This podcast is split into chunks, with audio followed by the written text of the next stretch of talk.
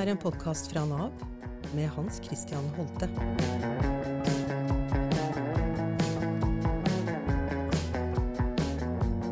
Velkommen til Holtes Halle. Her inviterer jeg kjente og ukjente gjester for å snakke om temaer som er viktige for velferdssamfunnet vårt og livene som vi lever. Siden den russiske invasjonen i februar 2022 så er millioner av ukrainere blitt drevet på flukt fra landet sitt. Det er så mange som åtte millioner som har flyktet til andre land i Europa. Og hit til Norge så kom det 35 000 eh, ukrainere i fjor. Eh, og UDI forventer at det vil komme 40 000 til i løpet av 2023. Dette er et veldig høyt tall eh, å ta imot av flyktninger for eh, oss i Norge. Det er et historisk høyt eh, antall på kort tid. Og alle som kommer hit, de skal finne sin plass i det norske samfunnet, i hele landet, i små, små og store kommuner. Og mange vil ha behov for eh, bistand fra kommunen, fra Nav, fra andre. Hva er det det krever av en flyktning å komme til Norge? Hvordan oppleves den situasjonen? Og hva krever det av oss som samfunn å ta vare på de som kommer, eh, og gi dem et godt møte med det norske samfunnet? skal vi forvente at de som kommer, vil kunne jobbe? Og hvor eh, raskt skal vi kunne forvente det? I dag så har jeg med meg tre gjester. Jeg har med meg Inna Horbach, som kom fra Ukraina i februar 2022, og som nå jobber med bosetting av flyktninger i Oslo. Så har jeg også med meg Marie Gill, som er oppvekstsjef i Rendalen kommune. En av kommunene som virkelig har tatt imot flyktninger, og som også har funnet mange løsninger. Så har jeg også med meg Sonja Skinnaland, som er arbeids- og tjenestedirektør i Nav. og Hun har bl.a. jobbet med hvordan offentlige etater best kan samkjøre, samkjøre og ta imot flyktningene som kommer, og hjelpe de som kommer eh, ut i jobb. Jeg har lyst til å begynne med deg, Ina. Du er fra Ukraina, men eh, jeg har merket at du snakker godt norsk. Eh, så det betyr at du har hatt et forhold til Norge i noen år. Hva var det som brakte deg til Norge i første omgang? Ja, hei. Takk for invitasjonen. Jeg heter Ina og er opprinnelig fra Ukraina. Og da er det sånn at nå er det mer enn et år bor jeg i Norge sammen med min datter som er fem år. Og for ti år siden uh, så jobbet jeg i Norge som au pair og gikk uh, sånn på en sånn voksenopplæring. Og da lærte jeg meg språket. Men etter hvert uh, reiste jeg tilbake til Ukraina. Kom på besøk på vinterferie til min søster, og da krigen begynte, og da er vi her fremdeles. Ja, og da er du her, og vi skal snakke mer med deg etter hvert om hvordan du eh, bruker kan du si, din bakgrunn også i, eh, i jobben din. Eh, jeg har lyst til å gå videre til deg, Marie. Du, eh, eh det er jo sånn at hver eh, flyktning som kommer til Norge, har, har sine historier, og som da skal møte eh, bl.a. Eh, Rendalen da, som kommune og få et sted å bo, lære et nytt språk, få nye venner, i det hele tatt eh, kanskje en ny jobb og et nytt nettverk. Der er det mye som er usikkert. Kan ikke du si litt om eh, hvordan dere i Rendalen har eh, jobbet med det å ta imot de som kommer, og også si litt om din rolle i Rendalen og din bakgrunn for å, å jobbe med dette? Ja, eh, jeg er oppvekstsjef i Rendalen, så det betyr jo at jeg egentlig har ansvaret for skole og barnehage. For vi hadde ikke noe mer bosetting, vi. Det var flere år siden vi eh, fikk eh, bosatt flyktninger fra IMDi. Men nå når krigen startet, da dukket de plutselig opp. Det, da kom det folk fra, som var venner av folk som bodde her fra før av det kom noen som kjente noen. Ikke sant? For det er jo noen i Rendalen som er gift med folk fra Ukraina. Og det er også noen i Rendalen som jobber her som, eh, som har vært eh, sånne sesongarbeidere i Rendalen. I hvert fall så sto de her plutselig, og da måtte vi jo bare ta dem imot. Det var helt sikkert. Og kommunestyret de vedtok å, å ta imot 110 flyktninger. Og for oss så er det nokså mange, for vi er bare litt over 1700 som bor i Rendalen. Akkurat. Og jeg, jeg, har registrert at dere ligger eh, ganske nær toppen hvis vi ser på ja. antall flyktninger dere har tatt imot eh, sett opp mot antall eh, innbyggere dere er i utgangspunktet. Var det ja. litt sånn at dere, dere, vedtok et antall, og så var dere ikke kanskje helt sånn sikre på hvor nivået lå rundt omkring andre steder, eller? Nei, det visste vi jo ikke. Så når vi så etterpå at nabokommunene våre skulle ta imot 10 og 20 og 25 og sånn, da ble vi jo litt paff. Men vi tok utgangspunkt i at vi har plass i Rendalen. Vi har ledig kapasitet i barnehager. Vi har ledig kapasitet på skolen. Og dermed så var det naturlig å slå litt på stortromma. Og så er det kanskje også da dette med Ukraina, at dere faktisk hadde en del ukrainere som var sesongarbeidere, som du sa. Dere har vel en, ja. rett og slett en, en uh, mosefabrikk, hvis jeg har skjønt det riktig, i Rendalen, som er bl.a. én sentral eh, virksomhet som, som, da også sysselsetter folk fra Ukraina. Ja, det er Norges eneste mosefabrikk. Og de har sesongarbeidere. Og sesongarbeiderne de kommer fra alle steder. Det er både Russland og Estland og Latvia og, og Ukraina, men også Vietnam f.eks. Men det gjør jo at det er mange fra andre land som vet om det stedet. Så enten så fortsatte de bare å være her, eller så kom de rett og slett fordi de kjente noen. Da dere da hadde fatta dette vedtaket om disse 110, var det det, som skulle komme. Ja. Eh, hvordan eh, mottok lokalsamfunnet i Rendalen eh, kan du si, det tok den utfordringen som det er å, å få et ganske stort antall mennesker, eh, kanskje med noen språklige utfordringer, til lokalsamfunnet sitt på ganske kort tid? Ja, Der har vi en gjeng med frivillige, da, vet du. Ja. Frivillige, det er, det er, gull. Og så har vi når, folk kommer flyttende hit, så er det også, blir de møtt av en flyktningkonsulent og en språkhjelper med en gang. Sånn at de blir tatt imot på en trygg måte. Så, men ellers er det også sånn at de husene vi leier ut til flyktningene, de er godt møblert. Jeg eh, vender meg litt mot deg igjen, Nina. For du har jo da nå eh, Du har datteren din her, du har foreldrene dine her, og så jobber du jo eh, med bosetting av ukrainske flyktninger i Oslo. Og, og da, er det, da, er det, spennende å høre litt om Altså, du møter jo da mange, ukrainere, mange ukrainere som akkurat har kommet til eh, Norge. Hvordan er de møtene du har med de som kommer fra Ukraina? Ja, jeg vil bare si et par ord at det som skjer i Ukraina, det er grusomt. Og det som vi ser, hvem er det som kommer til oss? Det er mesteparten, det er kvinner med barn. Det er sånn um, unge jenter. Det er uh, de eldre. Og da er det sånn um, at uh, de er i sånn veldig vanskelig situasjon. Fordi kvinner må ta hele ansvaret på barnet sitt. Og det, jeg har en sånn erfaring, jeg òg.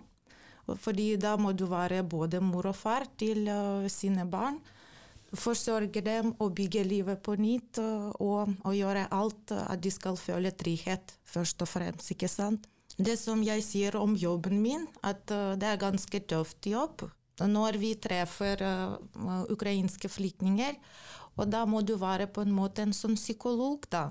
Ja. Fordi du vet aldri hva de har opplevd, hva de gikk gjennom, og, du, og hva var veien, og hvordan kom de hit.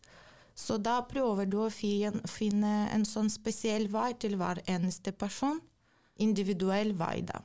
I jobben min, som er bosetting, har jeg både fordeler og ulemper. Det som jeg ser selv flyktning, Eh, da er det at jeg forstår deres eh, mentalitet, at jeg forstår hva slags problemer de har, jeg forstår hva slags tanker de har, mm, og hvordan vi som kommune og bosettere kan eh, hjelpe dem til så godt vi kan, og gjøre vår jobb sånn effektiv, ikke sant. Mm. Og dette er uh, på en måte fordel, det som jeg har opplevd. Men ulempen er at når jeg treffer uh, mine landsmenn, og det som jeg hører, og at du ser at sånn, det er krig, og hvor mm. grusom den er. Men alt i, alt i alt, min bakgrunn hjelper meg og kommunene å gjøre det beste. At, uh, at, de skal få så mye hjelp de trenger, ikke sant? Og gi det beste tilbudet til flyktninger. Mm, vi har klart å bosette 141 flyktninger i 2022, og planen er 160 i 2023. Så vi kommer til å jobbe hardt for å bosette vår kvote ja, i år, da. Ja. Ja. Så dere har uh, fått eh, egentlig gode resultater så langt, eh, høres det ut som? ja, det er akkurat nå tror jeg det er sånn 40 flyktninger som er allerede sånn akseptert, og ja, vi skal jobbe videre. mm, mm. Veldig bra. Og da, da opplever jeg at det, eller det du sier, er at både at du kommer fra Ukraina, forstår hvor de kommer fra. Ja, ja. Det er en styrke. Og i tillegg selvsagt språket. Det er språket. Språket er nøkkel til alt. Uh, I arbeid, i samfunnet, i vanlig liv. Bosetting det er en på en måte stressende moment, fordi de vet ikke hvor de skal bo, hvordan, de, hvordan blir det uh, hvor barna skal gå på skolen eller barnehage, sånne ting som vi setter på plass og prøver å, å gjøre så godt vi kan. Men uh, f.eks. Um, de, uh, de møter veldig mye utfordringer, og det kan være en del misforståelser. Fordi vi vet hva slags behov er det med tolker i Oslo og i hele Norge. ikke sant?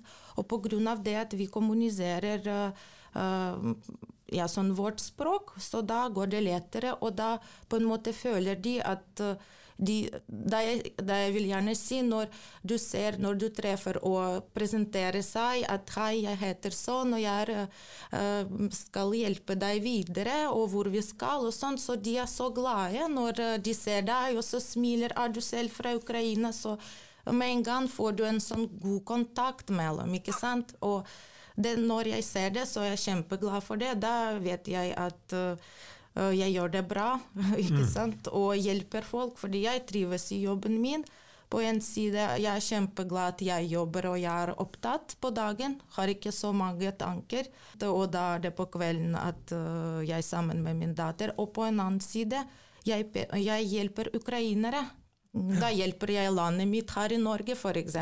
Ikke sant? Med den eh, kontakten du oppnår med at du er ukrainsk flyktning selv, mm. så får du en trygghet eh, ja. hos de andre ganske, ja. ganske ja. fort. Ja, ja. Det, det skjer ganske mm. fort, vil jeg si. Mm. Nettopp. Mm. Men samtidig så sier du også at det er, det er på godt og vondt sterke opplevelser for deg, fordi det er både det å se at du kan hjelpe eh, andre ukrainere, det ukrainske folk, men samtidig så kjenner du selvsagt på den situasjonen. Ja, det, det er sånn det. Som mm. jeg sa, det er både fordeler og ulemper. Nettopp. Sånn er det bare. Mm. Ja. Nå er det jo sånn at I Norge så er det staten som ber kommunene å ta imot flyktningene, og så sier kommunene ja eller nei. Og som vi snakket litt om, eh, Marie, så i Rendalen så har dere blitt lagt merke til, for dere har sagt ja til mange. Kan ikke du si litt om bare den prosessen fra flyktningene kommer til Norge og til eh, hjelpen eh, eller til vedkommende er i en kommune? Hva, hva, er det som skjer langs veien der? Ja, Hos oss, så, hos oss kommer de jo på to måter. Eh, men det vanlige er jo at vi får, eh, får dem fra IMDi. Da får vi en anmodning fra IMDi og så kan vi gå inn og så titte litt i dette IMDi-nettet og se hvilke personer dette her er, og så kan vi si ja. Eh, som regel så sier vi jo ja. Det skal veldig mye til for at man ikke sier det. Og da øh, Ofte så er jo det Det kan være en familie med to barn, det kan være en mor og en bestemor og en datter og et barn.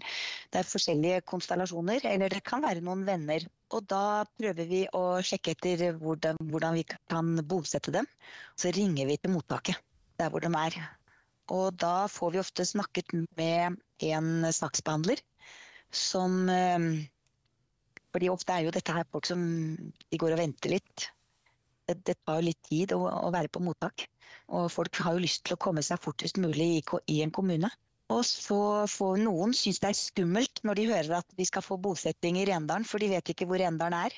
Og det er jo, vi er jo skikkelig på landet her. Det er jo ikke akkurat noe shoppingsenter her hos oss. Nei. Så hvis du kommer fra en stor by, så, så kan det være veldig rart å skulle til en innlandskommune som Rendalen. Så vi prøver jo å snakke fram Rendalen, da. For at de ikke skal bli så redde for å komme hit. Og hva og er, den, så, hva er salgs, ja. salgsargumentene for Rendalen, eh, sånn kort oppsummert? det er jo at vi nå har mange ukrainere mm. som har det godt sammen. De har gode fellesskap. Og um, det er ikke så veldig øde her, selv om det kan virke sånn. Det går an å vi har, vi har gjort det sånn at når de er på voksenopplæringa, så har de fri en dag i uka på onsdager. Så da går det an å ta bussen til Tynset, eller bussen til Elverum, eller ta den lange reisen til Hamar. Og, og ordne ting. Eh, eller å gå på kjøpesenter og sånt, da. Og så eh, snakker vi jo fram naturen og det at det er stille og rolig her. Det er et veldig fint sted for barn å komme, som kommer fra uroligheter og utrygghet. Og her er det både rolig og trygt og godt. Ja. Eh, du får barnehageplass med en gang. Vi har jo kontinuerlig opptak. Det er, det er et trygt og godt sted. Og når du går i butikken, så blir du etter hvert kjent med de som sitter i butikken. De, og de blir kjent med deg, så du kan si hei. Ja, så, og mange naboer er flinke til å si hei og til å hjelpe. Hadde jeg vært småbarnspappa, så hadde jeg tenkt litt på Rendalen, tror jeg. Nå, ja. eh, men det er, det, er, det, er um, det høres ut til også at jungeltelegrafen går litt, og at det er også, som ja. du sier, eh, nettverkene som er der mellom ukrainere også er viktig akkurat i den sammenhengen. da. Ja. Nå, Sonja, har du sittet og hørt litt på Eh, beretninger om hvordan, eh, hvordan, det jobbes med mottak av ukrainske flyktninger i Norge. Har du noen refleksjoner? Ja, først og fremst så høres det ut som det er veldig fint å komme til Rendalen. Det gjør det. Eh, og bli møtt med en som også kan ukrainsk, sånn som Inna. Og det dere begge sier, er jo det vi også uh, har uh, fullstendig uh, fått masse tilbakemelding om. At krever, altså det krever at vi har et utstrakt samarbeid i de offentlige myndighetene. Mellom stat, mellom kommune, mellom arbeidsgivere og også frivilligheten, sånn som dere nevner. Mm. Det krever en situasjon hvor vi har fått veldig mange rett og slett ut i alle kommuner. Og som du sier, mange kommuner har ikke bosatt på veldig, veldig mange år. Noen har aldri bosatt. Vi har en arbeidsgruppe, en hurtigarbeidende arbeidsgruppe som var et oppdrag fra departementet, hvor eh, IMDi og Nav og partene i arbeidslivet og også Arbeidstilsynet sitter sammen og har gjort det siden mars i fjor, for å se hvordan kan vi bidra på litt sånn høyere nivå. Og da annet så har det jo vært eh, lister med arbeidsgivere som ønsker å gjøre en ekstra innsats, og som har blitt distribuert til alle markedsnettverkene i hele landet. Men er arbeidsgiverne i Norge er de, er de gode til, eh, til, å integrere flyktninger, eller hvordan er situasjonen sånn generelt, eh, sånn som du ser det? Jeg tenker at det er veldig mange arbeidsgivere som er gode til å integrere, eh, og som ønsker å integrere. Og så er situasjonen slik, som du beskriver, Ina, at mange som kommer, eh, kommer jo kvinner med barn med omsorgsforpliktelser for barna sine, for foreldre kanskje syke. Man har vært gjennom traumer, sånn at det er kanskje ikke alle som er like klare for å gå rett ut i jobb. Og så er det mange som vil ut i jobb, men man trenger også noe språk for å komme ut i jobb. Så vi har noen som kan engelsk, men litt færre enn det vi trodde til å begynne med. Og så tar det jo litt tid å lære seg norsk. du får det jo til å virke veldig lett, Ina, men uh, det er det faktisk Det tar tid. en ting jeg hadde tenkt å spørre deg om, Ina, det er Det må jo sikkert være også litt sånn uh, forskjell på de ukrainerne som du møter, når det gjelder f.eks. det hvor lenge de tenker seg å bli i Norge. Hvordan er situasjonen der? Mm, ja, det er f.eks. snart det er noen som skal reise hjem. Ja. Noen for som jeg sa, at hvis det er mor med flere barn, og, det er kjempevanskelig psykisk da, å være selv når du, har, når du har det hjemme, sånn familie, vanlig familie. Og da de som kan engelsk, men det er de som er i gruppa 30 pluss, kan jeg si. Mm. Og de eldre som er kanskje rundt 50 og har rett til intro, på skolen var det tysk, ikke engelsk. Og derfor er det en sånn um, kan være grunnen at det går ikke så fort. Men um, det som jeg vil gjerne også si om uh, arbeidslivet og sånn, at um, jeg skjønner veldig godt at det er, det er, litt annerledes med ukrainske flyktninger, ikke sant? At det er uh, helt annerledes. Men Uh, det som jeg tenkte, fordi jeg selv fikk en um, unik uh, mulighet for uh, å fikk jobb i Nav Nordre Aker. Det, det, er fordi sånn arbeidsgiveren min ikke sant, tok den sjansen bare. Han stolte på meg, og um, da klarte jeg det. Og ja, også nå jobber jeg og hjelper andre. Og så tenkte jeg litt mer at hvis kanskje det høres litt rart ut, at uh, arbeidsmarkedet blir jo tilpasset litt til flyktninger òg, fordi det er altfor høye uh, sånn uh, norsk krav ikke sant, i språket. Og hvis for eksempel og fordi vi har snakket om hvordan de kan være en del av samfunnet, men uten språket det er sånn 50-50. ikke sant? De som er mer aktive, sosiale, det er lett. Men de andre som liker med ukrainere, er det som at de liker å gjøre det perfekt. Og hvis det ikke går, de er redde å, å snakke, ikke sant. Og da, hvis du ikke øver å snakke, da blir det dårlig resultat. Og hvis f.eks. arbeidsmarkedet kunne bli jo litt tilpasset, ikke med sånne høye krav ikke sant, i språket. Og f.eks. de kunne få en sånn arbeidspraksisplass, og de kunne lære språket der også.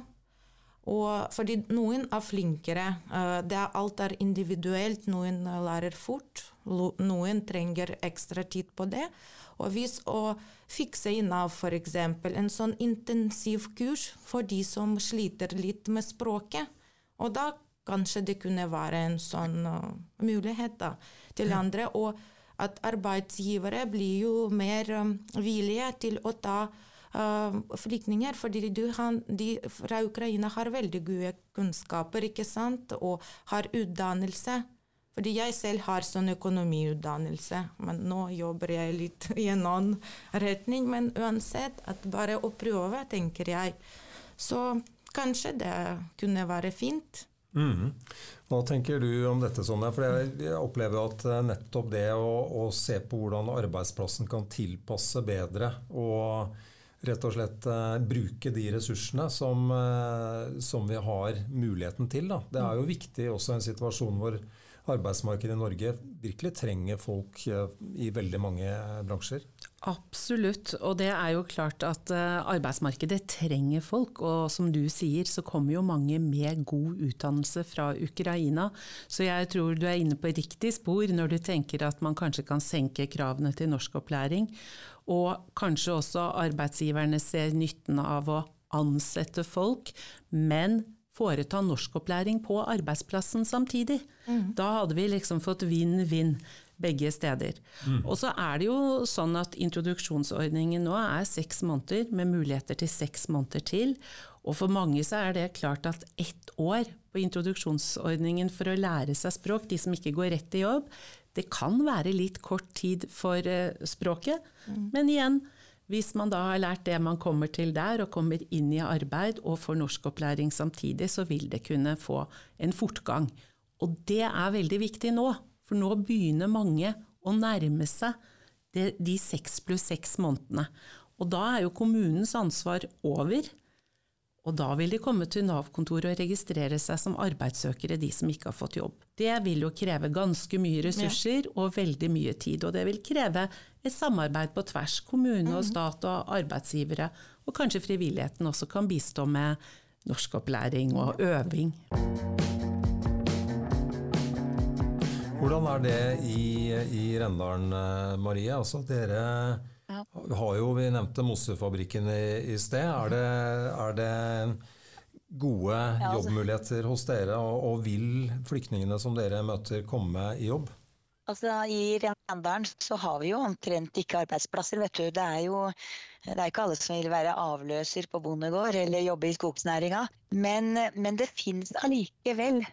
Altså, vi har jo en som Vi har, vi har tre stykker nå som har hatt språkpraksis i barnehagen. Men der er det jo det da, at du må ha B1 for å bli ansatt i barnehagen. Som også er et eh, relativt høyt nivå på språkkunnskaper? Mm. Ja, forholdsvis. For der er jo det like regler for alle flyktninger. Men, eh, men, hun ene der, hun har nok eh, B1 nå. Hun, altså, hun hadde eksamen her for ikke så lenge siden, og hun er egentlig jurist. Så det blir jo spennende for henne å jobbe i barnehage istedenfor. Så, har vi, så har vi en del håndverkere og håndverkere er det jo alltid behov for. Og der har vi jo en del firmaer som roper etter folk. Så det er en del av dem som er klar, men de vil benytte seg av, av anledningen til å lære så mye norsk som mulig før de må gå ut i jobb. For de syns jo det er en um, strålende mulighet, det å gå på introduksjonsprogrammet. Det, det gjør ting lettere for familien til å klare seg eh, mens de områr seg litt. Ellers så er det jo Vi har jo sånn at Nav er ikke så aktive enda hos oss, fordi vi har eh, interkommunalt Nav. Så Nav-kontoret vårt sitter på Tynset. Og det er kronglete å komme seg opp dit med buss. Men vi har en, en spesiell kontaktperson, Regina, på Nav på Tynset, så jeg kan alltid ringe til henne. Og hun kommer noen ganger på besøk. Hun kommer f.eks. på voksenopplæringa, eh, og da kan vi samle opp spørsmål. Og så kan hun være med når flyktningteamet har møter. Så de er jo aldri langt unna, og de kan, er jo alltid til god hjelp. Ellers er det sånn at um, de frivillige har også et godt nettverk. Og vi har en næringsutvikler i kommunen her. Så til sammen så klarer vi å hanke opp alle disse småfirmaene også, som ikke er de er med i de der store satsingene som det ellers ble nevnt om. Små rørleggerfirma som trenger en til, en entreprenør som trenger en murer. Vi, vi, gjør så godt vi kan i det små, og det fungerer bra, det òg. Ja, Apropos det, så virker det som dere også rett og slett benytter eh, anledningen til å tenke litt eh, sjæl, som det heter så fint, eh, ja. når det gjelder å finne løsninger. Og F.eks. så leste jeg at dere hadde eh, funnet en måte, eller bare rett og slett bestemte dere for å, å refundere innbyggere i Rendalen som vil bidra til å hjelpe ukrainere rundt i den litt sånn langstrakte kommunen deres, kanskje med litt avstander. Eh, så får man refundert da utgifter til å, til å f.eks. Altså gjøre den type eh, tjeneste, kan du si. da. Ja, det gjelder jo f.eks. hvis man skal til butikken. For her er det ikke alltid like lett å komme seg til butikken. Om vinteren kan man jo bruke sparkstøtting, men det er langt. Så da har vi sånn at da er det mulig å avtale med naboene at naboene kjører dem til og fra butikken, enten når de skal dit selv eller på forespørsel, men da maks to dager i uka. Og da kan, da kan den som kjører, eh, sende regning. Men hvis de skal kjøre langt, hvis de skal til nabobygda eller Tynset eller noe sånt, da, bare, da er det greit at de tar en telefon først og sier ifra. For det skal ikke være sånn at, at naboene er eh, taxisjåfører på fritida si til Hamar og sånt, eller til Oslo. Det, vi, vi må passe på at det kommer på et akseptabelt nivå. Sonja var innom det at uh, introduksjonsperioden er i ferd med å gå ut uh, for mange. Og da er det mange som da kanskje er der at de ønsker å komme i jobb. Um, Kan du si hva det å komme i jobb har betydd for deg, Inna? Ja, for meg Det som jeg sa i stad, at jeg er kjempeglad at jeg jobber. Fordi når du jobber, du har på en måte vanlig liv. Hvis, ja, I den situasjonen som jeg er, ikke sant, nå. Mm, og, og, det som jeg sa også, at uh, jeg har kjempebra uh, arbeidsmiljø på jobben. Jeg trives der. Og jobben hjelper meg veldig mye. Og fra en annen side at jeg hjelper mine landsmenn, det er kjempeviktig for meg også. Jobben som jeg gjør, jeg håper jeg gjør det veldig bra, og trives med det. Det høres ut som du spiller en viktig rolle og har mye å bidra med inn, inn i den jobben. Takk. Det må jeg virkelig si. Nå som vi da har noe erfaring med en ganske stor flyktningstrøm, eh, og vi vet at det vil komme flere eh, i løpet av dette året, så kunne jeg tenkt meg at vi sånn mot eh, slutten av denne praten kanskje sier litt om hvilke erfaringer har vi så langt? Hva er det vi tenker vi kan ha lært av det vi eh, har opplevd så langt, som er viktig å tenke på nå som vi også skal fortsette dette arbeidet? Ja, men uh, jeg tenker at nå uh, nesten alle kommunene har lært allerede. ikke sant? Fordi da det kom den første bølgen, det var uh, helt Kan jeg bruke ordet sånn vanskelig, fordi før Norge har Jeg har lest selv at før uh, Norge har ikke tatt imot så uh, mye flyktninger. Og til Norge, som er så lite land, det er fantastisk. Og det som vi ser, at Norge har gjort veldig mye. Både nordmenn og hele landet som hjelper også Ukraina. Og jeg tenker nå fremover Eh, alt er så bra organisert, og det som eh, alle kommunene bosatt eh, veldig stor tall sant, av ukrainske flyktninger. Så jeg tror god samarbeid, den erfaring så alle vi har fra i fjor, ikke sant. Så nå vet vi sånn, hva slags folk kommer, hvilken utdannelse de har, hva slags kompetanser så jeg tror at vi kommer til å gjøre det veldig bra i år, fordi vi har god erfaring. Alle vi, alle kommunene, har gjort veldig god jobb. Ja. Så mye mm, sånn, ukrainske flyktninger og gjorde det veldig bra. Så fremover tenker jeg at det blir jo kjempefint, og vi klarer det. Veld, mm. Veldig, veldig bra, bra, å høre fra en som virkelig står midt i det og vet hva hun snakker om. Ja. Eh, hva tenker du, Sonja? Har du noen ja, jeg tenker at uh, vi har lært oss, uh, akkurat som du sa, den første tiden hvor alle ønsker mer informasjon, mm. så var det litt vanskelig for folk som kom, ikke sant? både fra Ukraina og arbeidsgivere som ønsket å skaffe arbeidskraft og bistå på den måten. Så det å ha informasjon på russisk og ukrainsk på nav.no, og ha helhetlig offentlig informasjon i de statlige og de offentlige aktørene er utrolig viktig.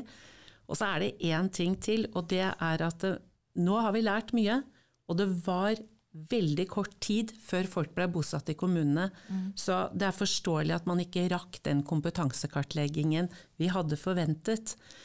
Nå så vil det trolig ta litt lengre tid for veldig mange kommuner å bosette, fordi alle har ikke boliger tilgjengelig. Og i den perioden, mens folk bor enten hos familie og venner eller på mottak, så tror jeg vi må anstrenge oss enda mer i de offentlige myndighetene for å sikre den kompetansekartleggingen som gjør at vi kan bosette folk og bruke den kompetansen de har med seg, mm. ut i arbeidslivet som passer i de kommunene som etterspør nettopp det mm. de kan. Så det tror jeg kanskje er en av de tingene vi må ta med oss. Hva, hvordan ser det ut fra Rendalen, Marie? Jeg tenker at eh, Vi må også huske på at veldig mange av disse ukrainske flyktningene er veldig foretaksomme. Og veldig vant med å sno seg og finne løsninger. Så noe av det viktigste vi også gjør, er jo å undervise dem i hvordan man starter opp enkeltmannsforetak. Uh, hvordan det hele tiden er viktig å passe på at man ikke jobber svart. At alt er hvitt og riktig og i henhold til lover og regler. For vi har jo flere som nå har starta firma. Flinke, altså. De har, finner ofte gode løsninger selv også. Og sånn som arbeidsmarkedet er i dag, så er man jo ikke alltid avhengig av å måtte sitte i Oslo. Jeg tenker eh, Det første de får når de kommer hit til oss, er jo en, en Chromebook eller en PC. Og så passer vi godt på at det er bra internett i de boligene de er. Sånn at de også kan Mange kan jo fortsette en del ting med det de har gjort før også. Så, og så er det mange som har utdanninger som er gode, hvor det bare skal litt til for å tilpasse det til norsk forhold. Jeg tenker utdanna lærere som trenger litt ekstra er, vi har, vi hadde, jeg hadde en f.eks. Hun var egentlig ambulansesjåførutdanna.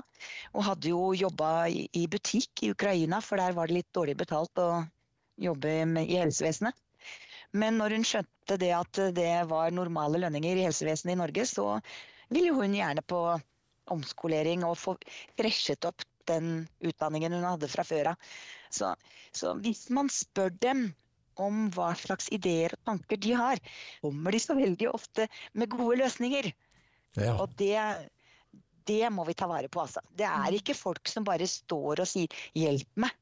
Ja. Det er folk som er fulle av liv og pågangsmot, og som gjerne vil eh, komme videre i livet. Og veldig ofte drive med noe som de kan ta med seg hjem til Ukraina seinere. Vi får bare stå og heie på dem og lære dem å gjøre det på rette måte. Ja, jeg syns, du... ja, jeg syns bare dette er veldig veldig bra, og jeg er helt enig med Marie. Vi må bosette folk over hele landet. Og jeg tror akkurat som deg at eh, man sitter ikke og tvinner tommeltotter, men man er foretaksom, og det er kjempeviktig. Det eneste vi har lært eh, som kanskje har overrasket litt mer, det var jo at vi hadde litt mer antakelse om at flere var helt sikre på at de ville dra hjem så fort som mulig. Men fordi mange har vært gjennom veldig tunge eh, situasjoner, og selvfølgelig traumatisk, så er det flere som også melder nå at de ønsker faktisk å bli her på litt lengre sikt. Og da må vi på en måte se både dette med at noen ønsker integrering på kort sikt, mens noen ønsker faktisk etablering og integrering på lengre sikt. Inna og Marie og Sonja, eh, takk for eh, en eh, god prat om situasjonen med ukrainske flyktninger i Norge i dag. Dere har sagt ganske mye fra deres helt sentrale rolle, vil jeg si, i å møte denne situasjonen i Norge. Så syns jeg dere har sagt ganske mye som gir en viss grunn til optimisme også. Fordi mm. det dere snakker mest om, hører jeg, som jeg syns er slående, det er løsninger, det er muligheter. Det er de ressursene som disse menneskene som kommer til Norge, har, eh, og som vi trenger eh, i det norske samfunnet. Så med den bakgrunnen så tenker jeg at ja, vi skal også håndtere den situasjonen som er i inneværende år. Tusen takk for at dere deltok i denne episoden av Åtte.